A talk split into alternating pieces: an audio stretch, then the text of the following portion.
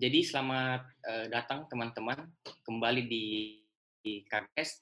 Uh, kali ini kita akan berbicara mengenai isu terkait um, gugatan MNC Group tentang UU penyiaran. Um, beberapa minggu yang lalu isu ini sudah cukup uh, viral di sosial media dan di beberapa pemberitaan. Uh, yang agak berbeda dari rubrik ini, teman-teman, uh, hari ini KBD Podcast meluncurkan rubrik baru berjudul Expert Talk. Jadi dalam rubrik Expert Talk kami dari KBD Podcast uh, akan mengundang beberapa pakar untuk berbicara tentang isu-isu uh, tertentu. Mau tahu? Kita bicara dulu.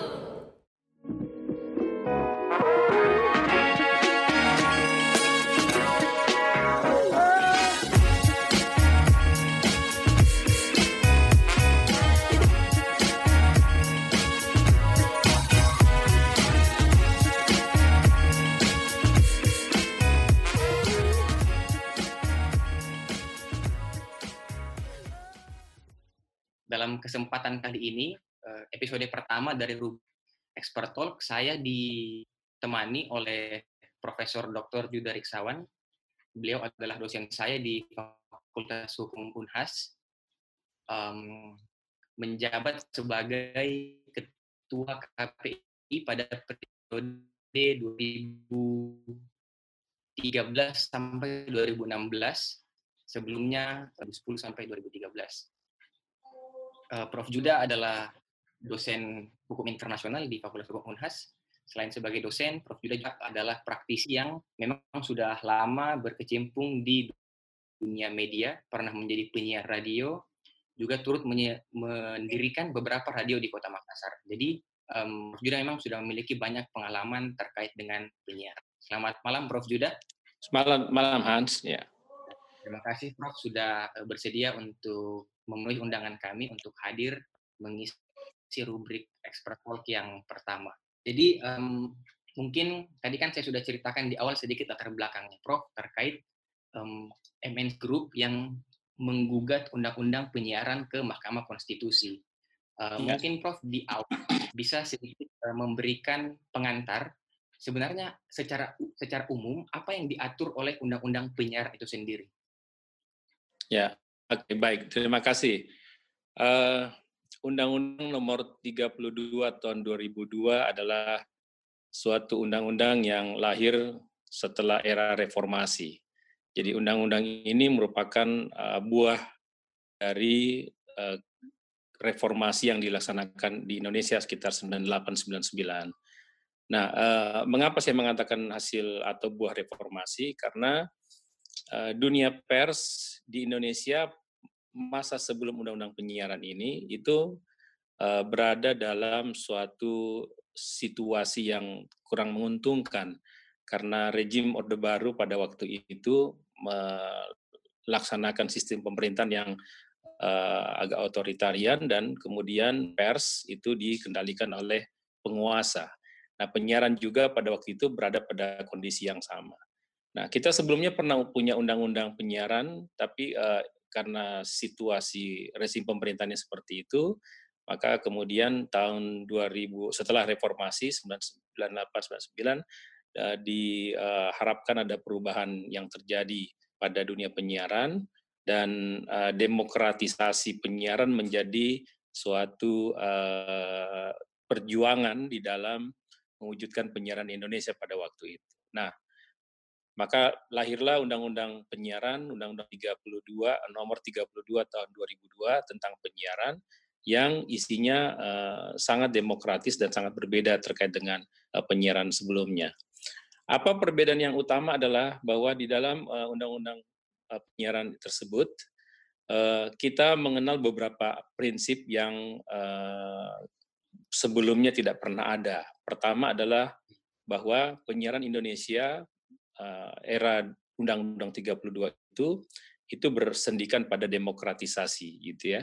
Jadi tidak ada uh, satu model yang sifatnya penguasaan oleh uh, kekuasaan oleh pemerintah. Jadi sifatnya demokratisasi dan uh, karena sifatnya demokratisasi maka uh, penyiaran itu dipandang sebagai suatu bentuk kedaulatan rakyat karena memang penyiaran menggunakan frekuensi dengan sendi-sendi uh, sebagai ranah publik gitu ya sehingga penyiaran itu merupakan ranah publik. Nah itu itu uh, prinsip pertama.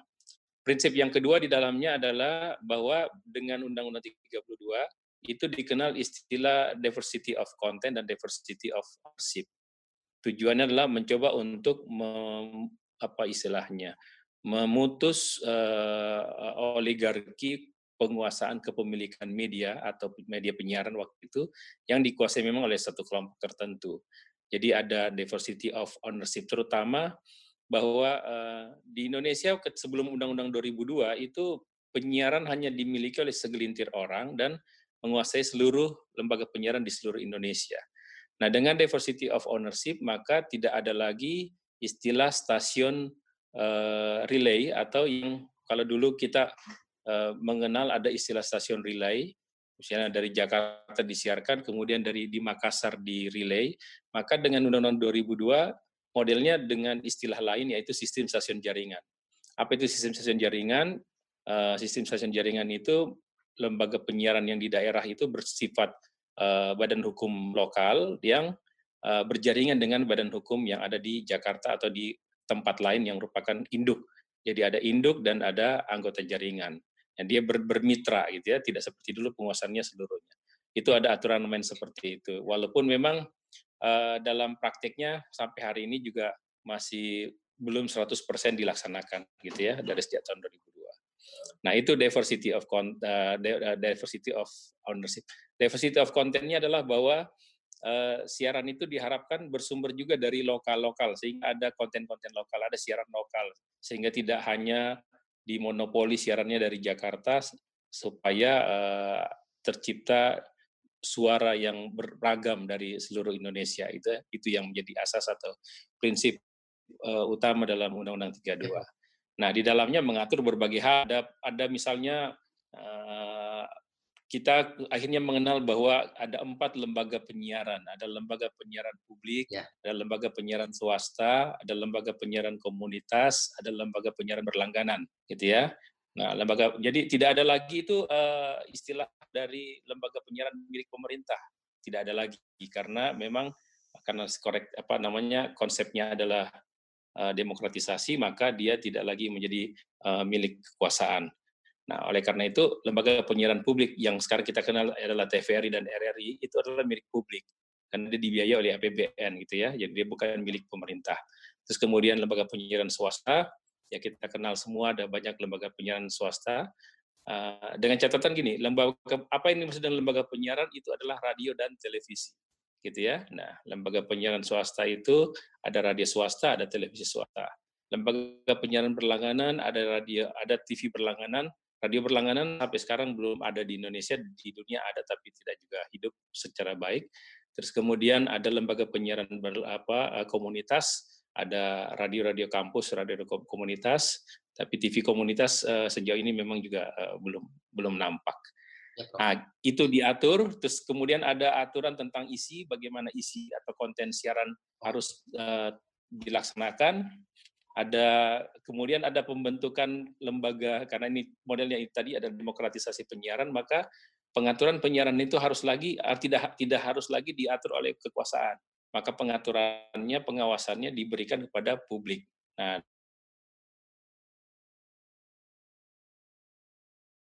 sebagai uh, apa namanya mewakili aspirasi masyarakat untuk pengaturan penyiaran.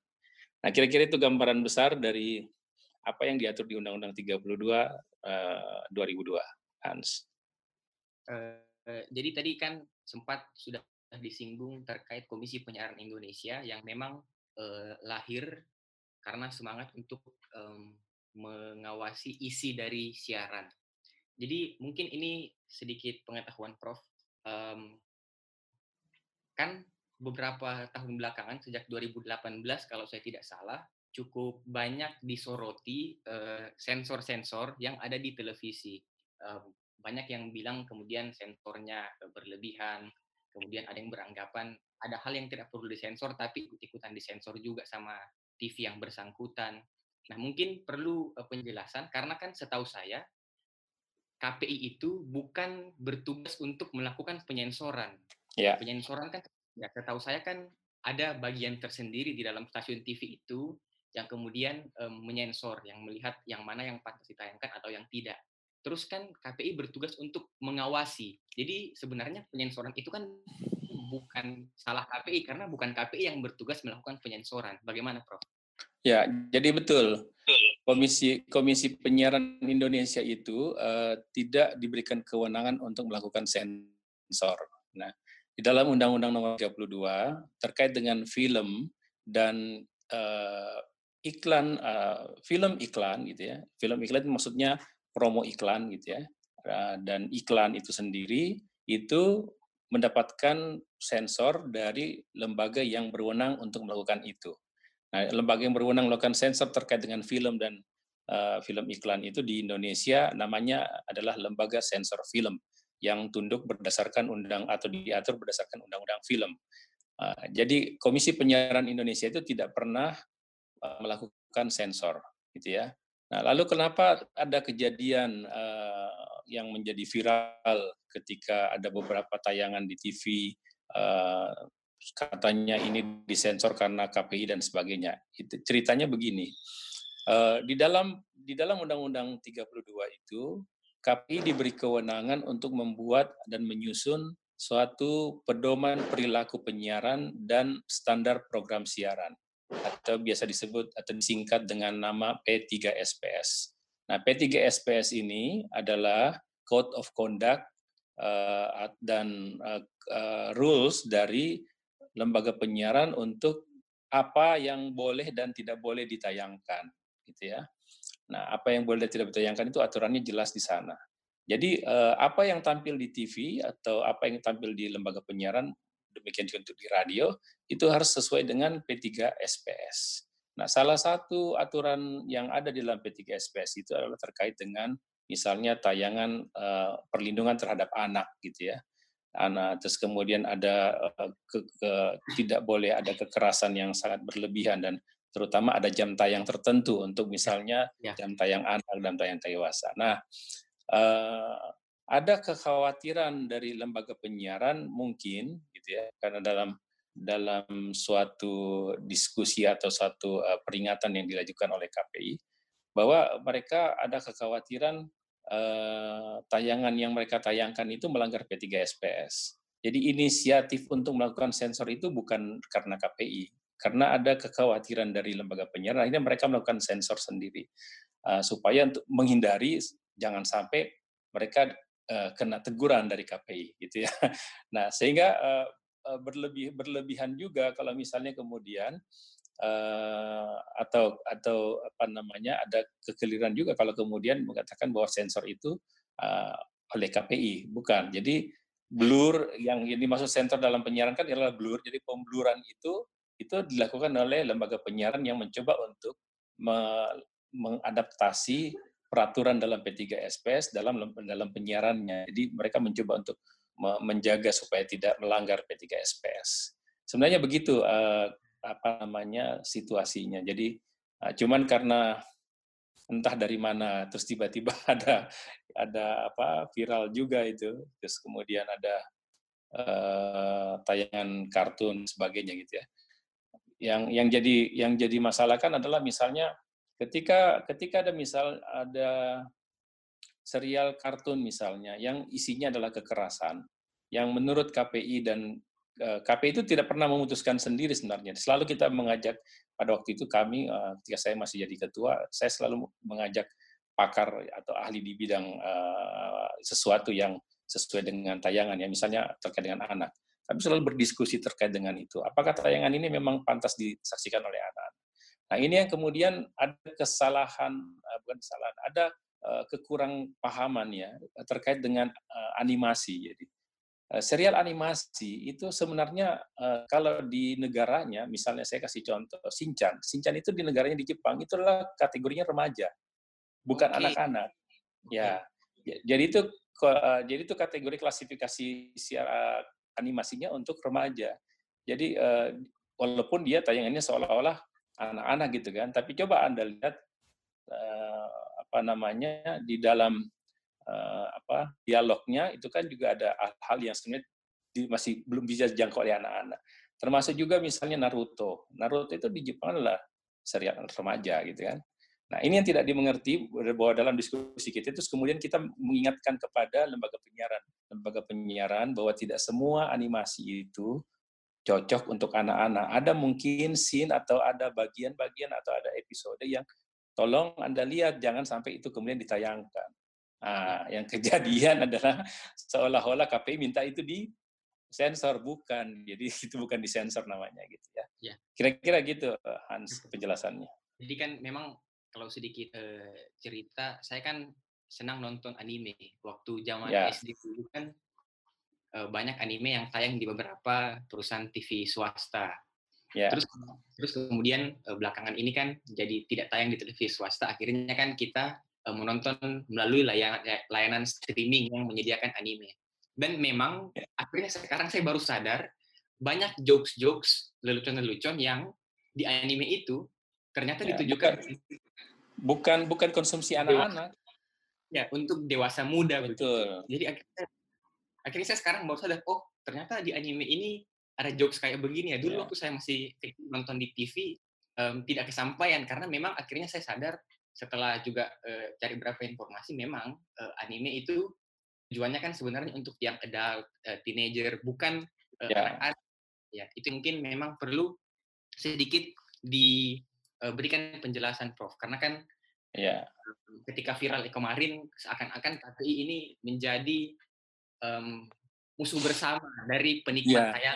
gitu. Iya, kami kami ya kami bahkan waktu itu didatangi sama kelompok komunitas pencinta anime. Jadi kita jelaskan ya yang datang memang adalah kelompok yang sudah apa namanya itu yang anda katakan apa uh, adult tinggi anu ya, yang yang adult ya, jadi anak muda yang ada antara remaja ke dewasa gitu. Ya bukan anak-anak gitu. Jadi mereka menurut kami jelaskan, ya kalau Anda yang nonton nggak ada masalah. Persoalannya adalah ketika dia tayang di TV, orang tua mengira itu adalah semuanya untuk anak-anak. Ya kan? Ketika kita lihat animasi, film kartun, ya oh ini kartun ini anak-anak, padahal enggak gitu. Jadi harus dilihat isinya juga. Nah itu yang kita kita sebenarnya ingin sampaikan ke mereka, tapi sudah terlanjur memang um, dibully kiri kanan, tapi ya sudahlah itu itu dapat pahala lah kita kalau dibully orang kan. Mungkin juga eh, tadi terkait sensor, karena kan biasanya kita nonton film di bioskop kan pasti sebelum main filmnya ada lembaga sensor film, ada tanda ya. tangan Pak Ahmad Muni Basuki di situ kan. Ya eh, zaman dulu tanda tangan Pak Muklis Paini. Jadi um, sedikit kita teman-teman yang mendengarkan ketika saya kuliah di Fakultas Hukum waktu itu Prof Juda kan mengajar hukum internasional. Ya. Dan beberapa kali saya dapat kelas Prof Juda itu mata kuliah hukum diplomatik, pengungsi, um, hukum dan HAM. Nah, tapi kemudian setelah melihat profil dari Prof Juda, saya kaget karena wah, ternyata Prof Juda kan ini ya eh, pernah menjadi ketua uh, Komisi Penyiaran Indonesia. Nah, di pemikiran awam saya sebagai mahasiswa semester 3, oh, oh berarti KPI ini ya bagian dari yang melakukan sensor di TV, melakukan um, termasuk terlibat dalam sensor apa sih film dan iklan misalnya. Tapi kan di dalam kuliah hukum telematika kemudian kita belajar ternyata ada perbedaan gitu bahwa yeah. KPI melakukan pengawasan bukan melakukan sensor. Ini yang menurut saya Prof juga perlu teman-teman yang mendengarkan uh, tahu agar tidak tidak sembarang tentu kesalahan lembaga ya. itu begitu. Ya, nah, jadi jangan jadi gini, jangankan an, jangankan Anda yang mahasiswa S1 hukum, mahasiswa S2 komunikasi yang saya ajar pun beranggapan sama seperti dengan mahasiswa S1. Jadi memang uh, harus diletasi, harus ada edukasi terkait dengan posisi kelembagaan KPI dan iya. sosialisasi itu memang memang sangat-sangat uh, kurang. Kenapa kurang? Karena begini, Komisi Penyiaran Indonesia itu bukan lembaga yang dipopulerkan oleh TV. Karena TV pasti tidak mau mempopulerkan KPI. Karena KPI ya. yang mengawasi mereka gitu kan. Jadi kita tidak pernah populer di di lembaga penyiaran. Gitu. Jadi informasi itu pun informasi terkait KPI pun kemudian banyak saya tahu setelah uh, tua KPI yang setelah Prof Juda siapa Pak Ilian Dedaris. Ya. Kemudian dia um, untuk mengcounter isu-isu itu kan cukup sering muncul yeah. beritanya yeah. media online dan di uh, YouTube. Saya kemudian baru belajar, oh ternyata bukan KPI yang uh, melakukan tugas sensor, tapi yeah. KPI melakukan tugas uh, fungsi pengawasan. Kemudian uh, mungkin okay, Hans, satu satu hal lagi Hans, yeah. uh, yang perlu yang perlu mungkin uh, adik-adik ketahui atau teman pendengar ketahui uh, bahwa KPI itu pengawasannya adalah setelah tayang di TV, setelah tayang di radio. Jadi bukan pra gitu ya. Jadi kalau kemudian dia muncul di TV atau ke, muncul di radio ada kesalahan melanggar P3SPS, baru KPI ikut uh, bersuara, gitu ya, baru KPI menegur. Jadi tayang dulu dia karena uh, jadi tidak tidak sifatnya preventif, tidak tidak men, uh, ad, tidak seperti lembaga sensor. Lembaga sensor adalah sebelum tayang dia sudah disensor, gitu ya. Nah KPI tidak tidak mempunyai kewenangan uh, sebelum tayang karena sekali lagi itu juga dalam konteks menjaga kemerdekaan pers gitu ya, the freedom of press itu seperti itu. Ya. Jadi uh, mungkin terakhir tadi kan Prof Yuda sebelum kita masuk ke masalah gugatannya Netflix itu apa RCT Netflix itu, itu tadi kan sempat uh, Prof Yuda menyinggung ada misalnya iklan yang kemudian disensor. Karena saya ingat kan saya tidak pernah melihat misalnya iklan rokok uh, ditampilkan orang yang betul-betul merokok begitu. Tapi yeah. ternyata zaman dulu waktu um, sebelum era reformasi lah, sebelum lahirnya undang-undang kan misalnya iklan rokok tertentu ya memang menampilkan orang merokok sambil minum wine kan kayak begitu. Jadi memang yeah. um, di satu sisi menurut saya kehadiran undang-undang penyiaran dan juga tadi P3 SPS milik uh, yang dibuat oleh KPI itu sebenarnya um, dalam konteks tertentu kita perlukan untuk memberikan pedoman jangan sampai apa yang ditampilkan di media itu kan kelewat batas begitu. Jadi yeah. itu yang uh, pendengar juga perlu pahami bahwa ya memang dalam konteks penyiaran karena penyiaran adalah milik publik jadi memang perlu ada pedoman yang diikuti, um, pedoman yang dipegang oleh lembaga yang melakukan penyiaran. Sampai ini sekarang kita mungkin mau bicara terkait um, gugatan RCTI ke Netflix itu. Jadi mungkin pertama yang perlu teman-teman pahami apa sebenarnya yang digugat, poin mana dari undang-undang itu yang digugat oleh um, MNC Group. Ya, jadi kasusnya begini. Uh, ini ini sebenarnya juga ada sedikit uh, impli, impli, implikasi dari persaingan bisnis gitu ya. Okay. Jadi lebak jadi Undang-Undang 32 itu salah satu fungsi penyiarannya selain fungsi edukasi informatif, uh, integrasi sosial, tapi juga ada fungsi industri. Nah, jadi ada ada pertumbuhan industri pun dimungkinkan dengan Undang-Undang 32 ini. Oh, itulah sebabnya kemudian kita sekarang mengenal ada lembaga penyiaran swasta yang karakternya adalah uh, industri komersialisasi. Nah, pada masa sebelum era di mana kita sekarang ini di, uh, dijejali dengan banyak eh, media-media uh, melalui online, media dalam jaringan itu, media online, uh, lembaga kita atau penonton uh, masyarakat itu cenderung hanya punya pilihan kalau tidak nonton TV, baca koran, dengar radio, hmm. gitu kan ya. Nah sehingga uh, kue iklannya itu hanya berputar dari tiga media ini, media cetak, media elektronik itu radio dan televisi. Nah, ketika perkembangan media menjadi skin uh, kontemporer, sekarang akhirnya orang menemukan internet, dan internet yang dulunya hanya bersifat kirim data dan sebagainya, ternyata ketika uh, voice over internet protocol sudah bisa masuk, ternyata orang kemudian uh, mencoba hal lain dan lahirlah beberapa platform yang menyajikan uh, suara, musik, ada video bahkan dan sekarang kita kenal beberapa uh, pen, apa namanya uh, platform yang memberikan tontonan-tontonan tertentu, bisa film, bisa video dan sebagainya. Nah, ini kemudian di, uh, di apa namanya dibarengi dengan perubahan dari uh, minat masyarakat terkait terkait dengan media. Jadi ketika selama ini mereka cuma nonton TV, dengar radio, baca koran, eh tiba-tiba ada sesuatu yang lain.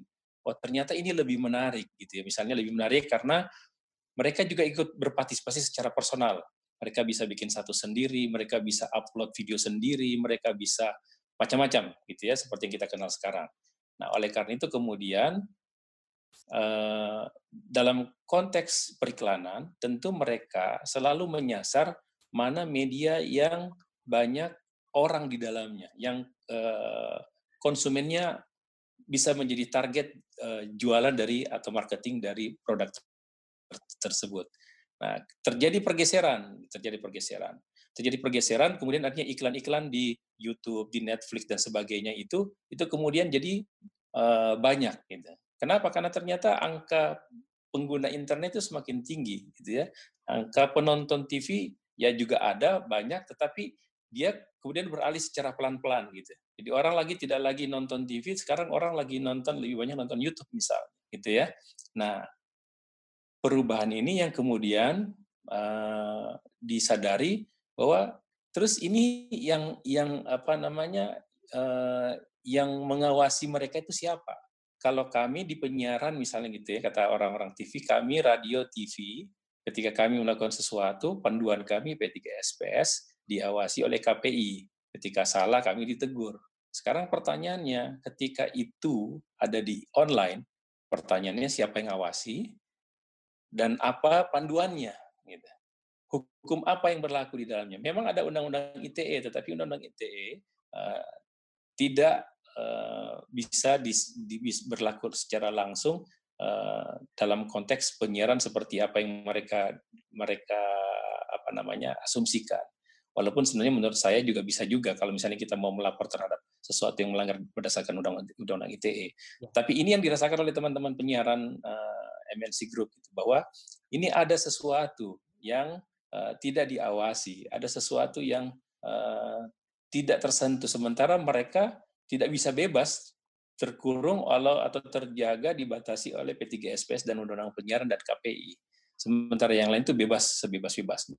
Nah, ini yang sebenarnya mereka ingin uh, apa istilahnya keadilan dengan mem meminta Mahkamah Konstitusi untuk memberikan terjemahan uh, terkait dengan pasal 1 Undang-Undang Penyiaran terkait dengan definisi penyiaran. Karena ya jadi uh, pengertian penyiaran menurut menurut pasal 1 Undang-Undang Penyiaran itu menurut mereka belum menjangkau atau tidak menjangkau penyiaran yang ada pada online.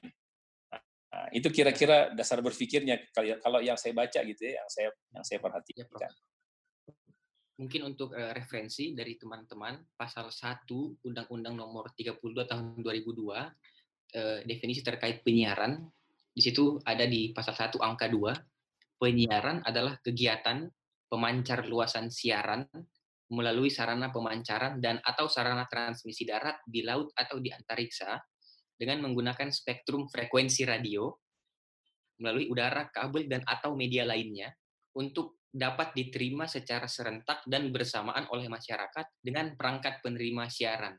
Mungkin definisi ini yang menurut teman teman-teman dari penyiaran yang tadi Prof. Yuda sudah jelaskan yang dianggap belum cukup, makanya mereka um, menggugat Undang-Undang 32 tahun 2002 begitu Prof ya?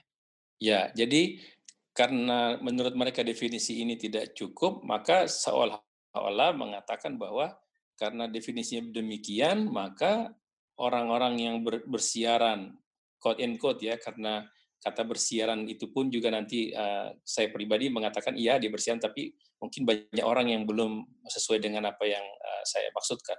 Jadi orang atau penyiaran online itu uh, tidak termasuk di dalam definisi yang tadi.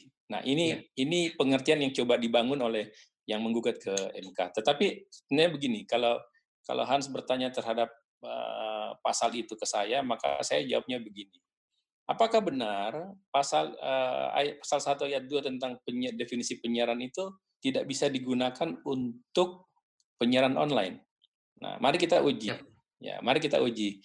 Nah, kalau kita dengar tadi penjelasan yang Hans baca terkait dengan definisinya, jadi penyiaran itu adalah pemancar luasan siaran, gitu ya, melalui uh, apa namanya uh, pemancar luasan siaran, baik suara maupun gambar atau suara gambar, video gitu ya, melalui uh, ada yang namanya transmisi uh, melalui udara, ya, terus kemudian ada kabel, Nah, ada kata-kata media lainnya. Media lainnya. Ya, gitu ya. Ada kata media lainnya. Nah, saya ketika masih jadi ketua KP sebenarnya sudah pernah mengendorse untuk memberikan pengertian yang lebih luas kepada kata media lainnya ini. Gitu. Cuman memang ini belum belum mendapatkan waktu itu belum mendapatkan uh, perhatian yang lebih dan belum dianggap sesuatu yang penting. Padahal menurut saya dengan kita menafsirkan itu lebih luas, itu sesungguhnya sudah bisa menjangkau kejadian yang akan datang. Dan ternyata bukti bukti hari ini terjadi, gitu ya. Nah, kenapa saya mengatakan itu termasuk media lainnya? Sesungguhnya begini, pembuat Undang-Undang 32 itu sudah menyiapkan uh, suatu draft uh, tentang penyiaran yang visioner ke depan. Jadi hari ini misalnya waktu undang-undang dibuat, kita hanya mengenal penyiaran itu menggunakan kabel, kita hanya menggunakan udara yang free to air, tetapi bagaimana kalau ke depan gitu ya, ada lagi media lain yang bisa dipakai untuk penyiaran. Nah, makanya dibuatlah kalimat media lainnya. Nah, dalam hal ini saya bilang internet adalah media lainnya. Itu bisa masuk ke dalam konteks ini gitu. Gitu ya. Nah, sehingga seharusnya pengaturan di media online itu juga masuk kategori penyiaran berdasarkan definisi itu. Nah, cuman sekarang persoalannya adalah bagaimana kita mengartikan penyiaran online. Yang mana dimaksud dengan penyiaran online? Nah, ini yang sampai hari ini belum ada titik temu dan belum ada peraturan uh, turunannya. Seperti itu, Hans. Jadi ini peraturan turunannya, eh, kalau sedikit mungkin teman-teman yang bukan yang bukan mahasiswa hukum. Jadi kan undang-undang itu turunannya adalah peraturan pemerintah.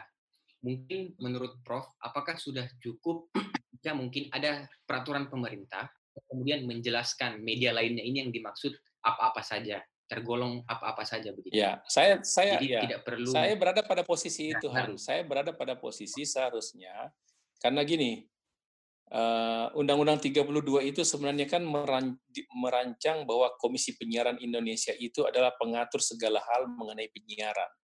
Tapi ternyata karena ada judicial review pernah ke MK, ada kata-kata diatur bersama KPI itu dihilangkan. Jadi semua diatur oleh pemerintah berdasarkan peraturan pemerintah.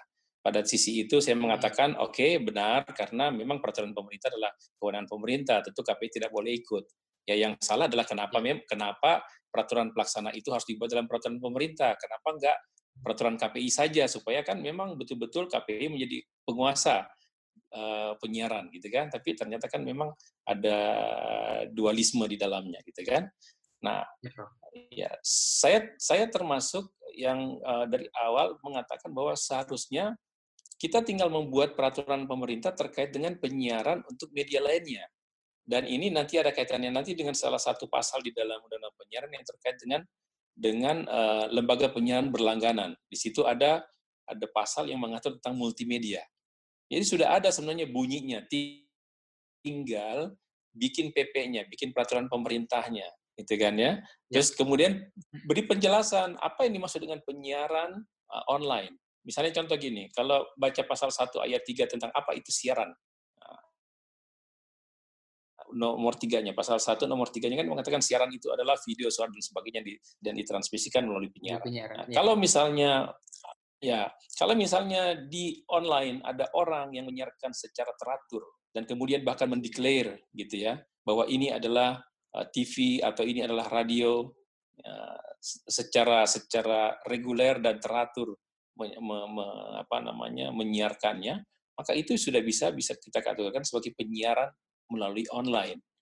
Nah, tinggal terus kemudian bagaimana cara kita untuk men, uh, mengatur mereka? Apa yang mereka harus lakukan? Apakah mereka harus sama seperti lembaga penyiaran yang lainnya? Misalnya harus berbadan hukum, harus mendaftar, uh, mendapatkan izin uh, eh, IPP dan seterusnya.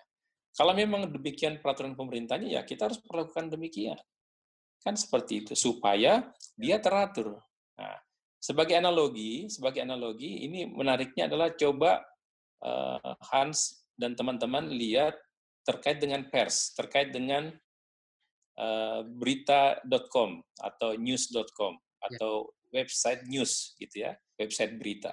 Nah, website berita itu hari ini itu telah diidentifikasi dan harus ikut peraturan yang dikeluarkan oleh Dewan Pers. Apa itu? Mereka harus mendaftar, me, bukan mendaftar dalam arti minta izin ya, tapi ada yang mendaftarkan diri bahwa kami adalah news.com, adalah kami portal berita.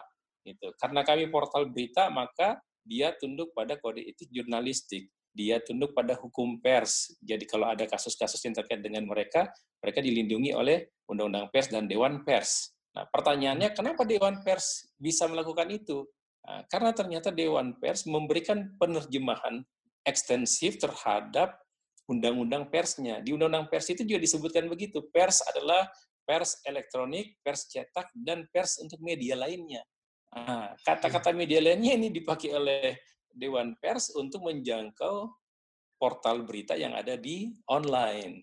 Nah, saya dulu berharap penyiaran juga demikian. Tapi karena memang kaki KPI itu sedikit dipasung untuk tidak terlalu banyak bergerak karena ada dualisme tadi, jadi akhirnya memang kita harus tetap menunggu aturan-aturan itu dibuat oleh uh, pemerintah dan KPI hanya mampu untuk membuat P3SPS dan pengawasan. Nah, kira-kira ya. gitu gambaran gambaran situasinya sebenarnya yang juga uh, kalian perlu tahu gitu ya karena kondisi kondisi lembaga ini sebenarnya KPI itu tidak tidak murni uh, apa namanya terbebas atau sangat independen tidak karena masih masih sangat tergantung dengan kondisi dari regulasi yang uh, masih ada bias di dalamnya seperti ya. itu Hans.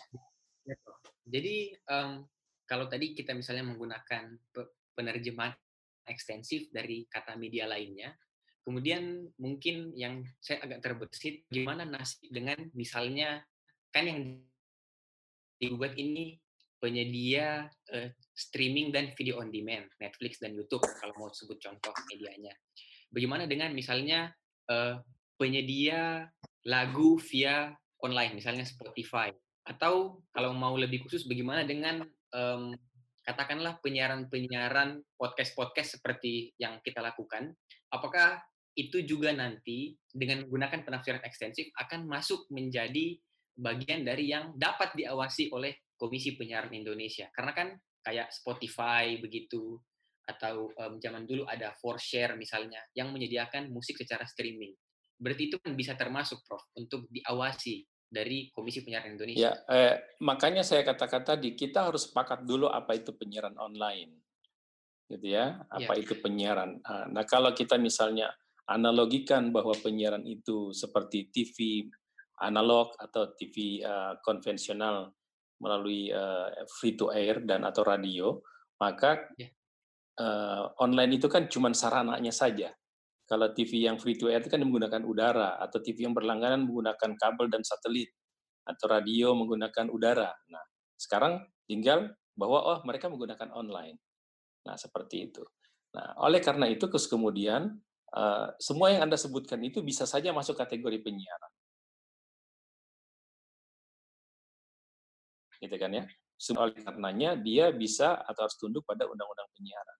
Tapi sekali lagi saya ingatkan bahwa tunduknya pada undang-undang penyiaran bukan dalam konteks eh, apa istilahnya tadi, eh, dalam konteks eh, kekuasaan, pengawasan yang eh, dalam dalam arti begitu eh, mencengkram secara kuat bukan sebenarnya atau uh, tadi ada kekhawatiran terkait dengan sensor dan sebagainya tidak. Ya. Jadi itu hanya untuk memastikan bahwa siaran yang diterima oleh masyarakat itu adalah siaran-siaran yang memang memenuhi harapan sebagai uh, institusi yang menyiarkan sesuatu yang yang yang baik bagi masyarakat untuk integritas uh, integritas bangsa, untuk integrasi nasional, edukatif, eh, moral bangsa dan sebagainya, gitu ya. ya. Nah, dengan demikian maka mereka yang menyelenggarakan itu itu kita bisa jamin istilahnya begini, eh, masyarakat bisa bisa kita pastikan menerima sesuatu yang baik dari siaran di online. Ya. Gitu. Anda tidak usah khawatir karena mereka itu semua sudah berjanji uh, berdasarkan apa namanya uh, aturan main bahwa mereka hanya akan menyiarkan hal yang sifatnya seperti ini berdasarkan undang-undang dan uh, P3SPS, P3SPS misalnya. Nah, selain yang misalnya tidak mau atau misalnya mereka tidak uh, tidak mau mengikuti itu, maka tentu saja itu kita tidak pandang sebagai penyiaran dan itu berarti ada hukum lain yang bisa kita gunakan. Apakah misalnya undang-undang ITE secara langsung? Karena ingat, sangat berbeda kita menggunakan undang-undang ITE dengan undang-undang penyiaran, apalagi undang-undang pers. Ya, penyiaran dan pers sangat menghormati freedom of press. Penyiaran sangat menghormati hal-hal yang sifatnya eh, pendekatan-pendekatan uh, persuasif, mediasi dan sebagainya. Undang-undang penyiaran tidak mengenal istilah pidana. Ya. Undang-undang uh, pidana dalam arti kalau ada kesalahan itu paling hanya sanksi administrasi, gitu ya. Pidana itu kalau memang misalnya anda melakukan kebohongan, dan memang melakukan tindak pidana itu kan itu memang pidana pasti. Tapi kalau misalnya cuma sekadar anda salah seperti tadi ada ada tayangan yang mungkin menyalahi, paling Anda diberikan teguran pembinaan administrasi dan sebagainya. Saya sedikit saja Anda kemudian bisa dilaporkan dan kemudian Anda bisa uh, dipidanakan berdasarkan undang-undang ITE. Jadi pendekatannya beda gitu ya, pendekatan hukumnya beda. Kalau itu kemudian misalnya podcast yang Anda lakukan, eh, siaran-siaran atau uh, apa namanya platform-platform yang digunakan itu mengikuti aturan main berdasarkan penyiaran di Indonesia. Tujuan utamanya adalah perlindungan masyarakat sebenarnya, bukan dalam konteks apa pun gitu ya. Apa, apa apalagi dalam kepentingan penguasa tidak. Itu semata-mata dalam konteks menjaga supaya penyiaran itu memang untuk kepentingan masyarakat. Nah, itu sebenarnya. Nah, sekarang kalau tidak diawasi seperti sekarang ini, kita bisa lihat bahwa online online kita kan diisi dengan banyak sekali hal-hal yang tidak penting dan nah. sangat merusak, nah. ya kan? Nah seperti itu. Ya, Kira-kira gitu. Um, kemudian mungkin saya sedikit background story dulu. Jadi kan kalau misalnya kita melihat di di Amerika Serikat lah yang paling gampang kelihatan. Di sana kan ada memang media-media yang cenderung dalam tanda kutip konservatif, misalnya Fox News um, di satu sisi ada media-media yang cenderung lebih uh, moderat pendekatannya di dalam pemberitaan-pemberitaan. Nah, um, menurut saya ini kan konteksnya Amerika Serikat negara yang benar-benar uh, liberal begitu, yang um, dalam tanda kutip mungkin tidak setertib Indonesia dalam memiliki pedoman penyiaran. Nah, jadi ketika ada perbandingan seperti itu, menurut saya paling tidak seperti yang dari Prof. sudah jelaskan, dengan adanya pedoman penyiaran ini, poinnya kan untuk melindungi kepentingan publik agar jangan sampai um, publik kemudian mengkonsumsi hal-hal uh, yang disiarkan oleh lembaga penyiaran yang sebenarnya tidak sesuai dengan uh, katakanlah identitas kebangsaan atau standar moral yang dimiliki oleh yeah. masyarakat. Jadi menurut saya kita harus memandang ke sana sebenarnya um, masalah penyiaran yeah. seperti itu. Uh, mungkin Prof um, sedikit um, berbagi pengalaman karena kan seingat saya waktu itu Prof Juda pernah cerita di kelas bahwa ada masa di mana Prof Juda pernah aktif menjadi uh, penyiar radio. Kemudian um, kalau tidak salah juga terlibat mendirikan beberapa radio di Kota Makassar.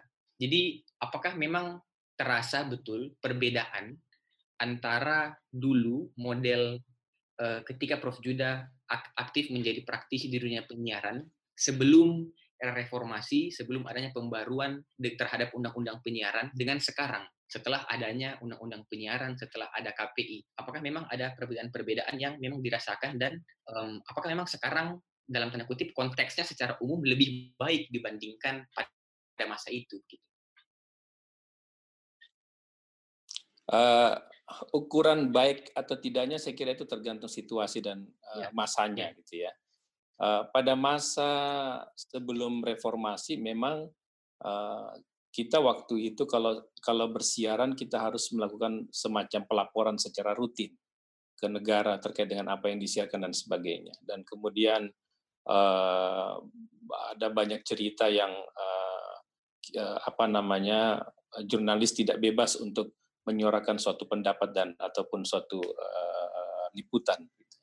Eh, tapi ketika kemudian reformasi, eh, kebebasan itu nampak dan kemudian terlihat jelas bahwa eh, media sudah berani untuk apa istilahnya melaksanakan fungsinya sebagai watchdog, sebagai pilar keempat demokrasi di mana media sudah bisa untuk menjaga agar pemerintahan ataupun pilar yang lain itu bekerja sesuai dengan ya. aras demokrasi sehingga memang terasa ada perbedaan gitu ya dari sisi itu, dari sisi uh, apa yang disuarakan. Jadi uh, hanya saja memang uh, yang saya katakan kata baik dalam konteks ini kalau sekarang apakah terus kemudian media sekarang juga baik menurut perspektif masyarakat. Nah, itu saya kira masyarakat sendiri akan menilai karena ada juga suara yang mengatakan kebebasan kita di media itu terlalu bebas misalnya. Ada yang mengatakan demikian. Tapi walaupun itu dirasakan oleh masyarakat, tapi saya saya pribadi mengatakan uh, ya saya kira ada pertanggungjawaban yang bisa kita lakukan kalau memang misalnya ada keluhan gitu ya. Misalnya seperti mekanisme hukum pers ketika ada hal yang tidak sesuai ya maka tempuhlah hak jawab atau hak koreksi. Karena di situlah arti uh, kebebasan ya. untuk berpendapat nah, atau uh, freedom of press itu sendiri. Bagian yang terakhir Prof. Jadi kan memang tadi arahnya um, saya mau menanyakan terkait media sebagai pilar keempat demokrasi bahwa kan banyak um, praktisi media yang mengatakan zaman dulu sebelum reformasi tidak bisa media um, kemudian menjadi watchdog atau memberikan kritik-kritik terhadap pemerintah. Setelah reformasi kan bisa. Tapi kemudian semakin hari, semakin ke sini, kan kemarin uh, mungkin teman-teman masih ingat ketika zaman pemilihan presiden atau tahun-tahun politik, ada media milik politisi tertentu yang kebetulan juga si politisi punya partai besar misalnya, um, yang dalam tanda kutip media itu digunakan untuk kepentingan politiknya. Apalagi ketika media itu adalah media besar yang tayang tayangan prime time-nya banyak dinikmati oleh um, penonton televisi misalnya, sehingga um, membuat banyak yang beranggapan akhirnya tayangan-tayangan media yang dulunya berkualitas memberikan kritik kepada pemerintah sekarang sudah tidak. Apalagi banyak dari pemilik media yang kemudian masuk menjadi bagian dari pemerintahan. Nah, di satu sisi banyak media-media alternatif di YouTube misalnya yang memberikan kritik. Kalau kita ingat beberapa waktu yang lalu pada saat Pilpres 2019 ada media milik Dandi Laksono namanya Watchdog yang mengupload video berjudul apa Sexy Killer yang bagaimana um, dia menjelaskan adanya oligarki tambang lah di sekitar uh, dua calon yang berkontestasi di putaran pemilihan presiden. Nah, banyak teman-teman saya, Prof, yang kemudian beranggapan jangan sampai jika kemudian um, lembaga seperti KPI misalnya masuk juga mengawasi konten-konten online, kemudian berita-berita alternatif seperti yang ditampilkan oleh Dandi dan kawan-kawan itu akhirnya tidak bisa dinikmati lagi, tidak bisa tampil lagi begitu. Bagaimana pandangan Prof Yuda terkait uh, hal itu? Uh, saya, saya kira tidak begitu juga. Jadi walaupun misalnya KPI mengawasi uh, apa namanya penyiaran online, kan KPI juga punya punya uh, kewajiban untuk menjaga kemerdekaan pers itu. KPI juga harus ya. menjaga itu, gitu ya. Kalau sesuatu suatu karya jurnalistik dan itu merupakan suatu uh, apa namanya uh, hasil uh, research yang benar dan ditampilkan secara faktual dan uh, mengandung kebenaran, saya kira KPI juga tidak boleh sekali lagi KPI kan tidak ya. tidak bersifat uh, sensor gitu ya. Jadi KPI juga kan harus menilainya secara objektif berdasarkan aturan main. Nah, kalau terus kemudian misalnya saya saya kembalikan tadi bahwa kalau ada ini ini yang harus juga kita ingatkan kepada kita semua bahwa Eh, bermedia itu harus dewasa juga. Dalam arti begini, memahami juga aturan main. Kalau misalnya ada suatu pemberitaan yang mungkin tidak sesuai atau bersinggungan dengan uh, pribadi kita atau kelompok kita, ya. maka buatlah hak jawab, gitu ya. Dan media yang, yang, nah itu persoalan tadi. Kalau dia misalnya seperti masuk di YouTube bikin situs tersentuh, nah apakah dia pers? Nah, apakah dia harus mengikuti undang-undang pers? Kan sekarang kan lagi masih bingung ini, masih uh, kita masih masih terus kemudian masih ber, terus berdebat terkait dengan ini. Ya, kalau tapi kalau terus kemudian entitasnya sudah di, uh, disepakati bahwa oke okay, dia adalah penyiaran online, dia adalah bagian dari pers kalau dia menyiarkan berita, maka berlakulah hukum pers. Bahwa kalau ada pemberitaan yang mereka lakukan dan menurut pihak lain itu tidak sesuai, maka lakukanlah mekanisme hak jawab. Nah, sehingga ada kewajiban dari situs tertentu untuk memberikan hak jawab untuk menampilkan apa yang menjadi bantahan ataupun juga koreksi dari yang mempunyai atau pihak yang merasa uh, berita tersebut tidak sesuai atau berkaitan dengan dirinya, ya kan? Nah, cuman kan persoalan sekarang adalah uh, ketika jadi saya termasuk ag ag agak men, apa, mendukung Dewan Pers untuk memberikan identitas terkait, terkait dengan mana portal berita. Ya karena itu sesungguhnya bahwa ketika tidak ada identitas yang yang resmi dan atau kita masyarakat meraba-raba ini ini pers atau bukan maka kita akan sulit untuk menerapkan hukum itu sendiri. Tapi kalau kita sudah yakin misalnya ada portal berita apa news.com misalnya seperti itu. Kita tahu bahwa dia adalah portal resmi pemberitaan. Terus kemudian dia telah mencantumkan ada sebagaimana kewajiban yang dia yang dimintakan oleh Dewan Pers mencantumkan misalnya uh, ada pedoman cyber media gitu ya. Jadi bagaimana cyber media itu dilakukan oleh uh, portal berita. Nah, maka masyarakat yang men men menikmati atau mengkonsumsi berita dari portal portal tersebut itu kemudian kalau tidak sesuai dengan uh, fakta atau ada hal yang menyinggung atau ada hal yang tidak uh, benar atau uh, apa namanya bernuansa pencemaran nama baik kah misalnya? Ya dia bisa mengadukan itu ke uh, apa namanya dewan pers atau atau terlebih dahulu meminta hak jawab. Bahwa saya meminta hak jawab maka ya portal berita karena dia sudah mengikuti atau diatur berdasarkan undang-undang pers maka dia juga harus memberikan uh, ruang untuk hak jawab. Kan itu kan menarik. Jadi ada jadi tidak dibawa ke kriminal, tidak dibawa ke pidana, tapi dia ada dialektika, ada ada dimensi uh, apa namanya diskusi untuk memberikan keyakinan mana uh, suatu kebenaran, bagaimana uh, itu uh, terjadi di era demokrasi seperti sekarang. Nah, kalau terus kemudian mereka tidak puas ya mereka bisa bawa sampai ke dewan pers gitu ya, sampai kemudian dewan pers bisa melakukan melakukan penilaian. Kan itu lebih menarik gitu. Tapi kalau sekarang Siapa yang bisa mengidentifikasi misalnya bahwa ini adalah lembaga penyiaran, ini bukan lembaga penyiaran. Hukum yang mana akan diterapkan? Nah ya kayak apa boleh buat sekarang kita pakai undang-undang ITE.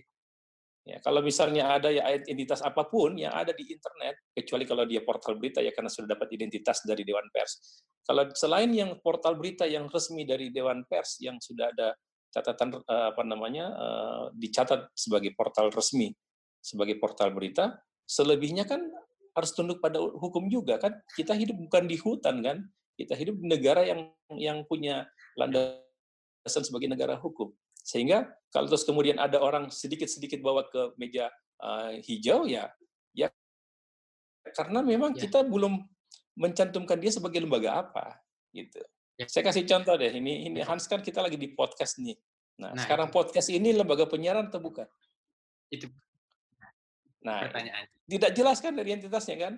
Nah, karena tidak jelas identitasnya itu, maka kita hari ini dipandang sebagai entitas yang bermain di online. Nah, ketika kita menyajikan sesuatu yang salah, mencemarkan nama baik orang, itu langsung undang-undang ITE yang kena.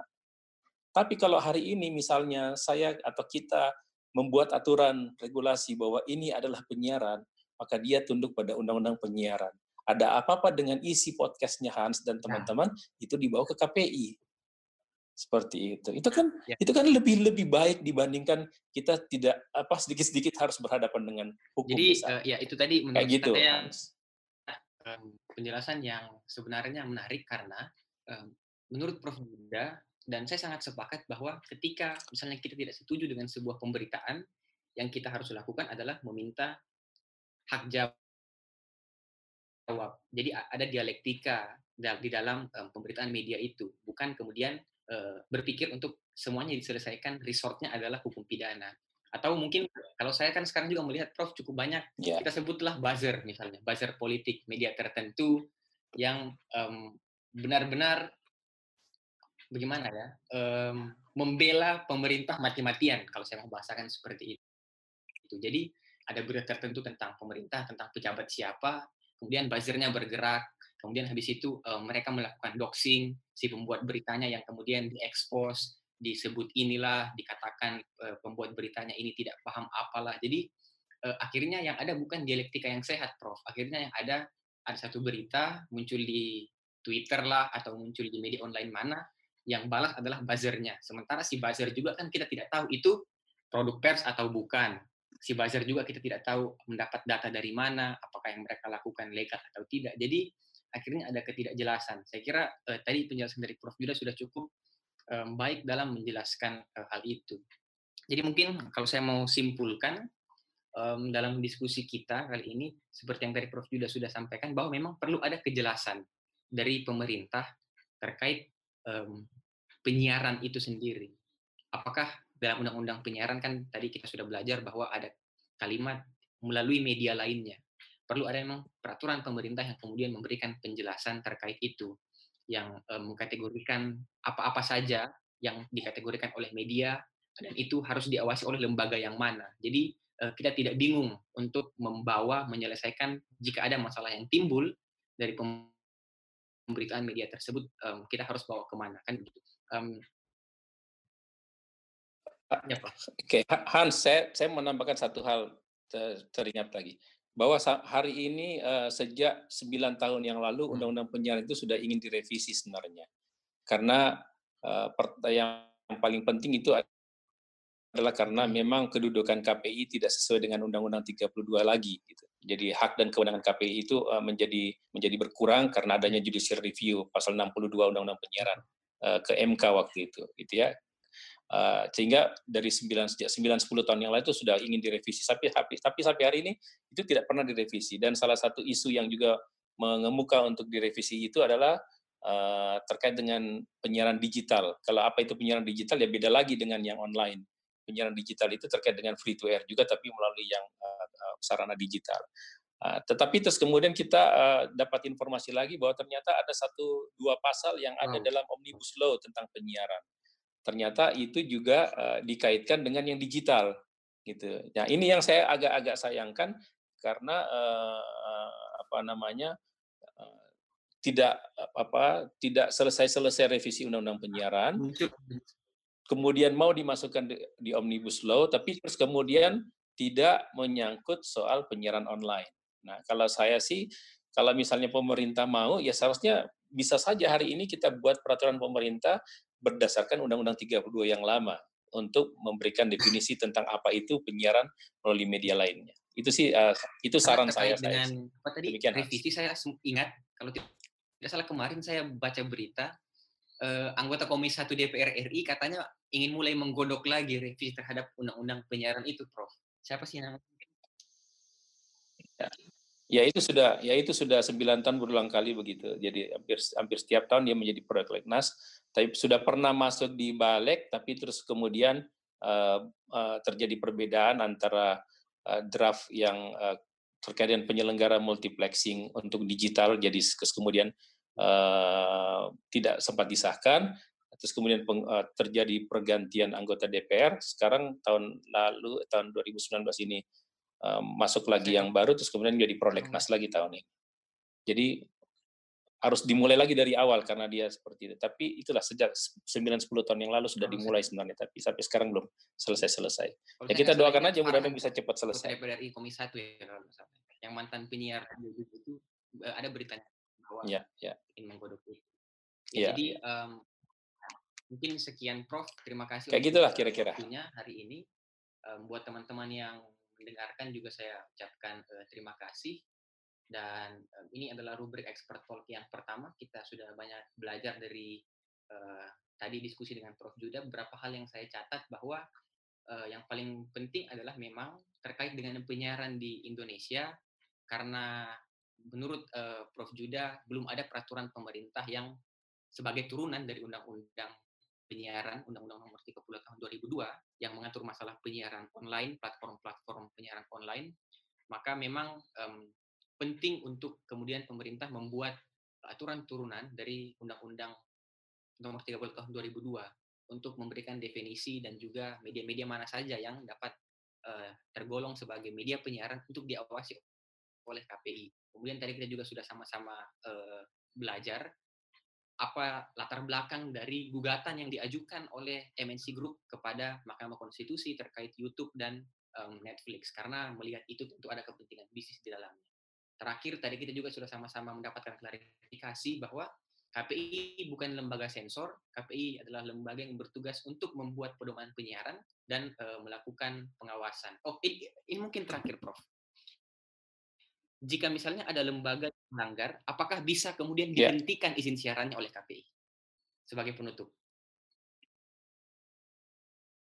Uh, ya, sanksi yang diberikan uh, uh, oleh Undang-Undang Penyiaran itu pertama adalah teguran, teguran tertulis Terus kemudian ada alternatif kalau misalnya melanggar lagi atau pelanggarannya berat, bisa ada yang namanya penghentian sementara program siaran yang bermasalah. Jadi yang dihentikan itu program siaran yang bermasalah dan itu sifatnya sementara. Sementara itu dalam arti bahwa yang dihentikan itu untuk mereka mempelajari apa kesalahan dan ber, uh, supaya tidak berulang lagi kesalahan itu.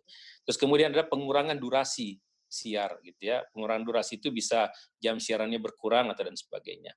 Nah, terus kemudian ada memang sang, uh, sanksi denda. Denda itu sampai hari ini tidak pernah bisa dilakukan uh, karena sekali lagi tidak ada turunan peraturan pemerintah terkait dengan bagaimana tata cara pemungutan denda itu. Nah, itu itu yang sampai, sampai sekarang belum. Dan terakhir ada memang sanksi pencabutan izin uh, siaran.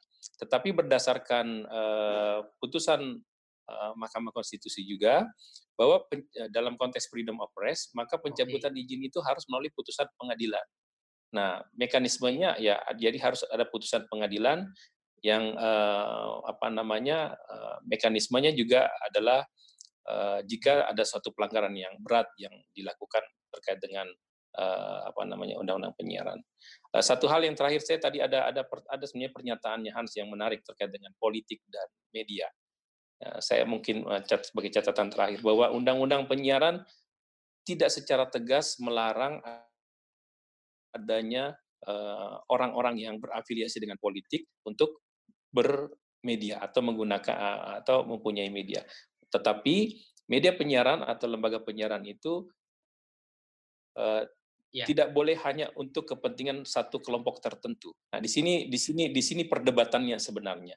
Jadi apa yang dimaksud dengan kelompok tertentu itu itu itu juga uh, yang kemudian uh, pernah saya eks, apa namanya eksekusi terkait dengan uh, penyiaran pemilu Uh, tetapi tidak ada secara tegas tidak seperti di negara lain itu ada larangan-larangan seperti itu bahwa tidak boleh kalau dia berafiliasi dan politik maka tidak boleh punya lembaga penyiaran.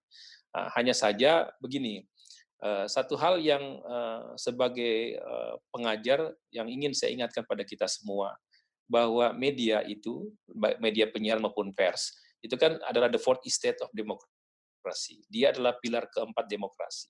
Sehingga seharusnya dia tidak boleh bermain mata dengan tiga pilar yang lainnya. Dia tidak boleh berkoalisi dengan eksekutif, yudikatif, dan legislatif. Kenapa? Karena dia sebagai pilar yang berdiri sejajar untuk mengawasi dan juga juga menjadi penjaga demokrasi. Nah, sehingga jangan ganggu pers dengan sesuatu yang kira-kira akan merusak reputasi mereka sebagai penjaga demokrasi. Nah, kalau kalau hari ini itu eh, terjadi ya saya termasuk yang sangat menyesalkan.